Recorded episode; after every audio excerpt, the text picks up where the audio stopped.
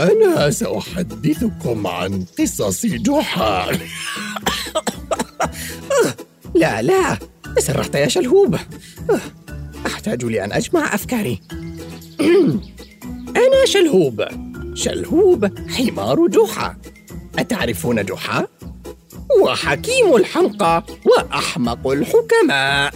قصصه لا تخلو من الذكاء والحكمة وفي بعض الأحيان من الحماقة.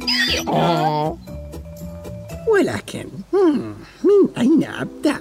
أوه تذكرت واحدة. هذه قصة العالم ناصر الذي رأى نفسه متفوق بسبب معرفته الواسعة. إلى أن اكتشف أن في بعض المواقف حتى الحمار يتفوق عليه. في أحد الأيام جاء ساعي البريد جعفر يحمل طردا لجحا. كان في الطرد دعوة لجحا لحضور حفل زفاف في مدينة كبيرة في بلاد بعيدة.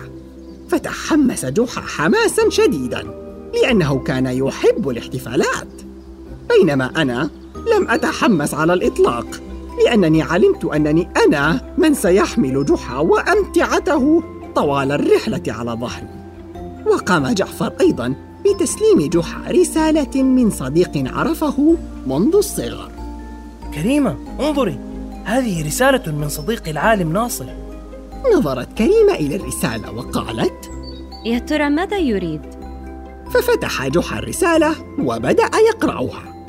ها يريد أن نلتقي في المدينة المجاورة لقريتنا غدا فهو أيضا مدعو إلى حفلة العرس. كم هذا خبر رائع! العرس بعيد ورفيق السفر سيجعل الرحلة ممتعة. وابتسمت كريمة وأسعدها الخبر أيضا وقالت آخ وأنا اطمأن قلبي. فلطالما معك صديقك لن تتهور وتفعل شيئا يعرضك للخطر. ضحك جحا. فكريمة كانت دائما تقلق عليه. أما أنا فكنت واثقا أن جحا سيعرض نفسه للخطر بغض النظر عمن كان معه. هو كان موهوبا من تلك الناحية حقا على أي حال. قال لزوجته عزيزتي كريمة لا تقلقي. سنذهب غدا صباحا أنا وشلهوب لنجد ناصر ولنبدأ رحلتنا.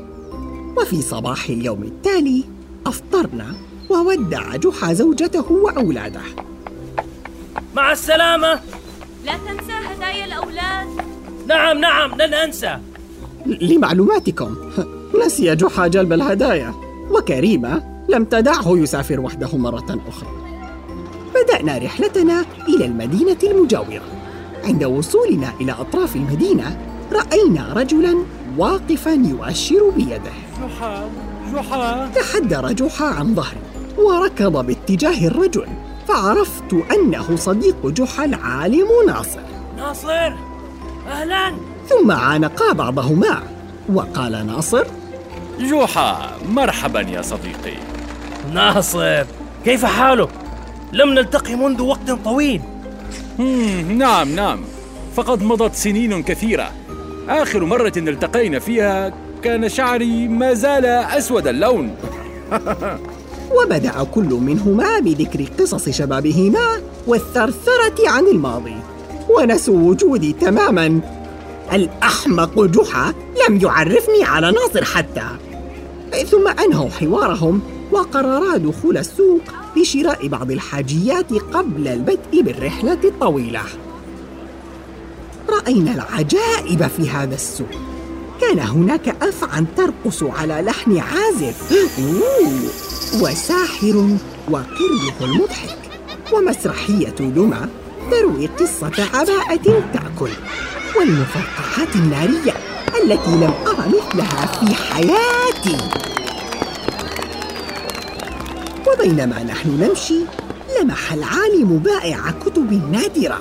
فتوقف ونظر إلى مجموعة الكتب ثم التفت إلى جحا. قائلا جحا هل تعرف يا صديقي أني أستطيع أن أتكلم عشر لغات بطلاقة؟ نظر جحا لناصر باندهاش وقال كم هذا مثير للإعجاب يا ناصر؟ إنني فخور بك. لا يا جحا ليس مثيرا للإعجاب فما هو إلا شيء بسيط من مواهبي. يبدو أن التباهي إحدى تلك المواهب. فنظر جحا إلى مجموعة من الكتب فاسترق ناصر النظر من فوق كتف جحا وقال هم وأنت يا جحا كم لغة تتكلم؟ التقط جحا أحد الكتب وبدأ يتصفحه ورد عليه بهدوء تام. لا أعرف سوى اللغة التي أتحدث بها معك الآن يا صديقي. تفاجأ العالم من هذا الجواب وقال له متعجرفا آه أضعت ربع عمرك بلا فائدة. نظر جحا إلى ناصر الفظ للحظة. ثم ابتسم إليه ابتسامة ودودة وأكمل طريقه عبر السوق وكأن شيئا لم يكن ومع أن مشينا مسافة قصيرة وخرجنا من السوق باتجاه ميناء البحر وإذ بالعالم ينظر إلى السماء باهتمام كبير كأنه لم يرها من قبل وقال لجحا أترى يا جحا كيف تغير مسار الشمس؟ نظر جحا إلى السماء باستغراب وقال نعم يا ناصر فهو واضح مثل وضوح الشمس. توقف ناصر ورفع يديه إلى السماء. اسمع يا صديقي جحا لقد قرأت كل ما يمكن قراءته عن العلوم والطقس والفلك والرياضيات وكل ما تستطيع تخيله. أتعتقدون أنه قرأ كل هذا باللغات العشر التي يعرفها؟ على أي حال ابتسم جحا وبقي يمشي في طريقه فلاحقه ناصر وأكمل وأنت جحا كم كتابا علميا قرأته؟ كم سرا من أسرار الكون اطلعت عليه؟ فكر جحا ورد عليه أنا لست ضليعا بشيء إلا في مجال عملي فرد ناصر قائلا وها أنت تضيع ربعا آخر من حياتك. آه أردت ركل هذا الرجل ولكن وأنا على وشك الاقتراب من ناصر لألقنه درسا أنقذه القدر مني. وجدنا رجلا يقف عند شاطئ البحر حاملا خارطة يستدل بها. فأسرع العالم ناصر إليه لأنه أراد التباهي أمام جحا مرة أخرى. وفعلا قال لجحا والرجل صاحب الخريطة. إنني سافرت إلى جميع أنحاء العالم وزرت بلادا مختلفة. ولدي أصدقاء من ثقافات متعددة ومختلفة. فلست بحاجة لخريطة مثل هذا الرجل المسكين. بان الغضب على وجه الرجل وأخذ خريطته مبتعدا عنا. فتمنيت أن تنشق الأرض وتلتهمني من شدة الإحراج. وعبس جحا وداد على الرجل محاولا الاعتذار عن الإساءة. آسف يا أخي. لم يجب الرجل. فناصر كان من يجب أن يعتذر لكن العالم لم يكترث لأمر الرجل ابدا بل أكمل حديثه بلا مبالاة. وأنت يا جحا كم بلدا زرت؟ آه، البلد الذي أنا ذاهب إليه معك سيكون أول بلد أزوره يا ناصر. ابتسامة جحا قد تلاشت بسبب تصرف ناصر ولكنه حافظ على نبرته الهادئة والودودة. ولكن انصدم العالم من جواب جحا وحاول اللحاق به ليكمل سخريته من جحا. ما هذا يا جحا؟ ها، وها هو الربع الثالث من عمرك قد أهدرته. أكملنا طريقنا بسكوت حتى وصلنا إلى مرفأ السفن. لننتظر السفينة هنا. ولم يا صديقي لا نحاول الوصول قبل حلول الظلام؟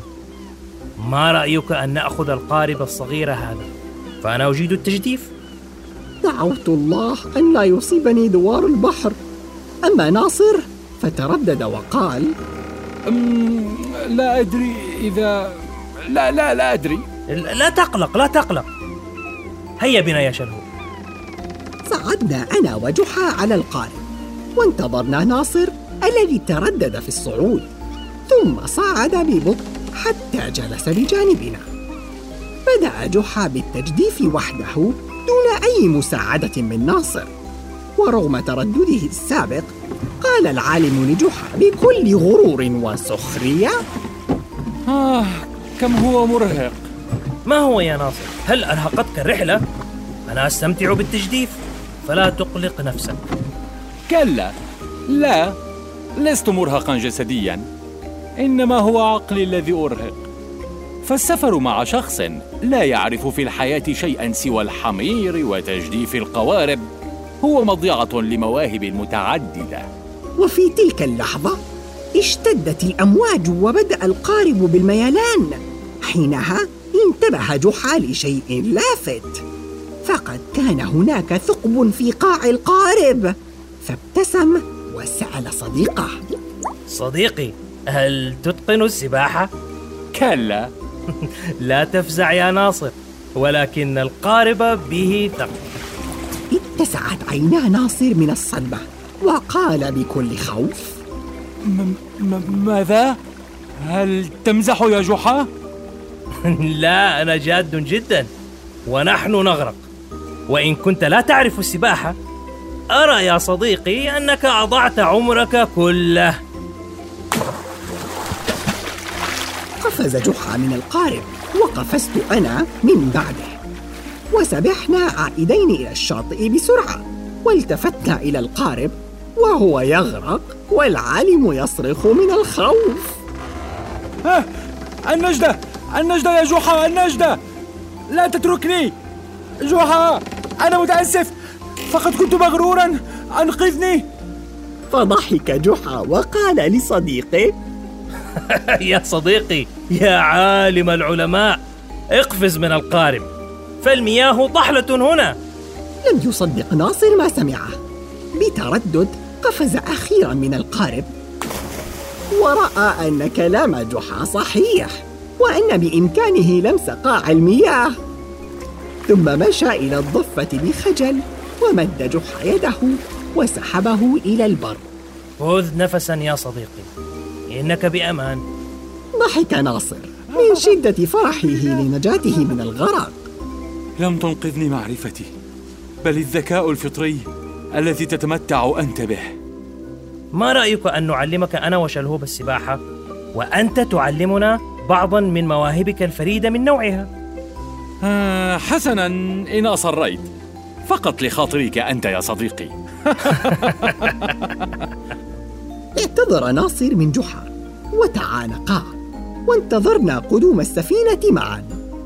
ثم وصلنا إلى حفل الزفاف قبل غروب الشمس بقليل. وكل منا معه قصة يتلوها عن أحداث رحلتنا الطويلة. ناصر تعلم درسا قيما.